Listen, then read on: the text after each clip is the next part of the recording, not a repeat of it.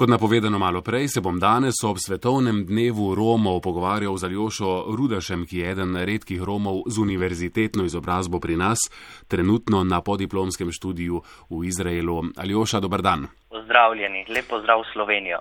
Letošnji svetovni dan Romov je namenjen odpravi njihove socialne izključenosti in diskriminacije. Pravzaprav je to nekaj, na kar tako rekoč vsako leto znova opozarjamo. Kako velik problem je to v vaših očeh danes, če govoriva o Sloveniji?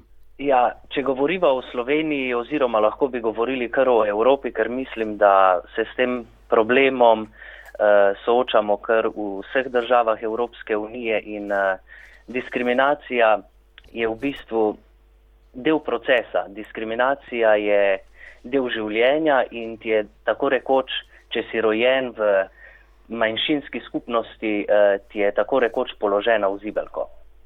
Pri Svetu Evrope opozarjajo, da še vedno preveč romskih otrok ostaja zunaj socialnih in izobraževalnih možnosti, eh, ki so denimo na voljo večinskemu prebivalstvu. Preveč romskih otrok, eh, da prizadene skrajna revščina, ne obiskujejo vrca prezgodaj, zapustijo šolanje. Kdo nosi odgovornost za to? Ja, odgovornost bi lahko rekli, da eh, nosita obe strani, torej romska skupnost, eh, predvsem starši in na drugi strani tudi država, pa ne država kot celota, ampak eh, izobraževalne politike, ki tako rekoč dobro ne ovrednotijo pomena izobraževanja oziroma zgodnjega vključevanja v predšolsko vzgojo, eh, ki bi dobesedno pripomoglo k razvoju skupnosti, torej romske skupnosti v eh, posamezni državi. Kako pa bi recimo na drugi strani omenili ste uh, starše romskih otrok, oni sami prispevali k boljši socialni vključenosti otrok?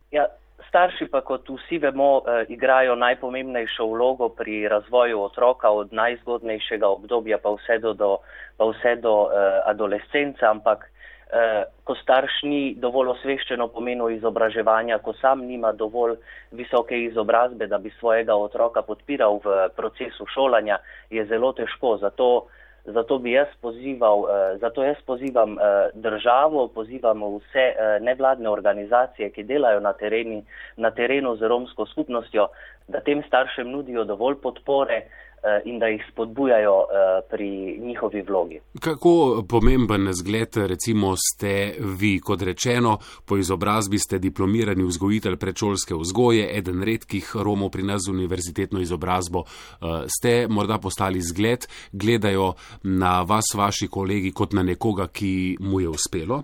Jaz upam, da res. Jaz upam, da Romi, predvsem mladi Romi, ki so še v procesu šolanja, vidijo v meni ne, nekakšen vzor oziroma nekakšen zgled. In ja, dejansko, če si dovolj trmast in če se ne obremenjuješ s predsotki in z diskriminacijo v družbi, ti lahko uspe. Ni, bi, ni potrebno biti odličnjak v osnovni in srednji šoli, ampak potrebno je imeti cilj in vizijo za prihodnost in lahko ti uspe vse. Vse, kar si zadaš, vse, kar si začrtaš. S kakšnimi težavami ste se recimo vi srečevali v osnovni in srednji šoli, tudi pozneje na fakulteti, če sploh seveda govorim o vaših eh, sošolcih, ne romih? Ja, diskriminacija je vsekakor bila prisotna strani sošolcev. Seveda se je dalo čutiti tudi diskriminacijo strani učiteljev.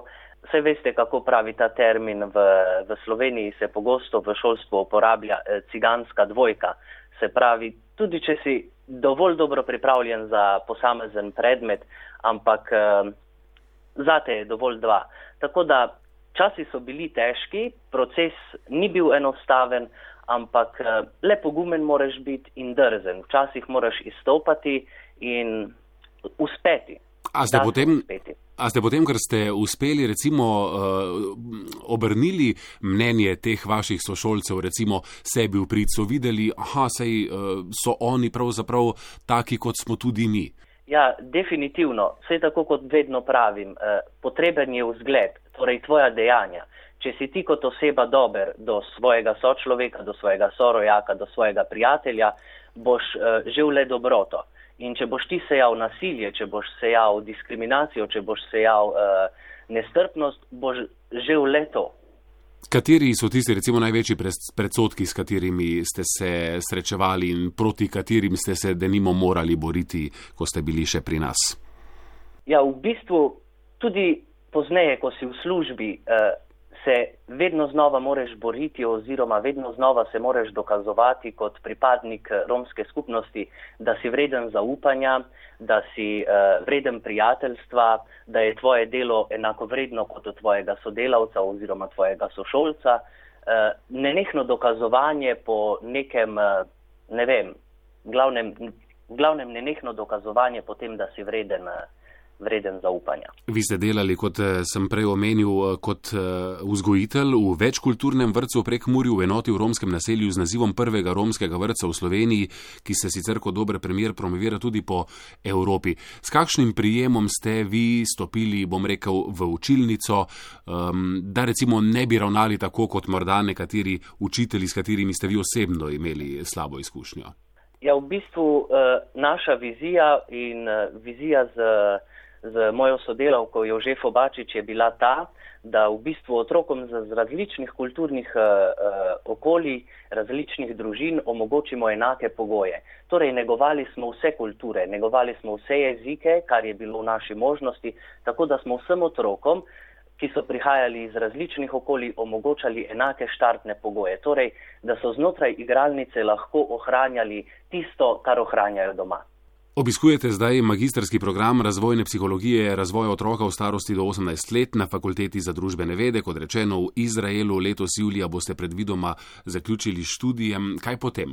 Ja, potem se pa nekje konec avgusta vračam v Slovenijo in upam, da mi bo dana ta priložnost, da bom lahko to znanje, ki sem ga tukaj pridobil, ki, ki je, lahko rečem, in tudi zagotovim kar precej bogato, lahko tudi uh, implementiral v slovensko družbo. Torej, vrnili se boste domov. Uh, najprej, preden vas povprašam o tem, zakaj, vas bom seveda vprašal, zakaj ste se odločili in izbrali študij v Izraelu. V bistvu, kot človek, ki sem v nenehnem iskanju novih izzivov, sem zasledil razpis na internetu, da bodo izbrali eh, 17 kandidatov za študij v Izraelu in seveda kot ostalih 350 kandidatov iz celotnega sveta, sem se tudi jaz prijavil na ta uh, razpis in hvala Bogu bil izbran in mi je bila dana ta možnost, da sodelujem v tem programu tukaj v Izraelu. E, kako ste se znašli tam? Zdaj me zanima, to, tam je verjetno uh, precejšnje mešanje različnih kultur. Mislim, da si tudi uh, sobo seveda delite z dvema, bom rekel, cimbroma z druge celine. Kako ste se znašli v Izraelu? Ja, v bistvu jaz sem v Izrael prišel uh, z znanjem z zelo slabim znanjem o Izraelu, o izraelski družbi in mentaliteti teh ljudi tukaj. Eh, in prišel sem z nekim občutkom, da nimam predsotkov do, do ljudi in da nisem diskriminatoren. Vendar moram priznati, ko sem bil, uh, ko sem prišel sem in ko sem začel svoj apartmaj deliti še z dvema kolegoma iz Afrike, uh, so, privre, so prišle na dan te, te, te razlike med uh, kulturami.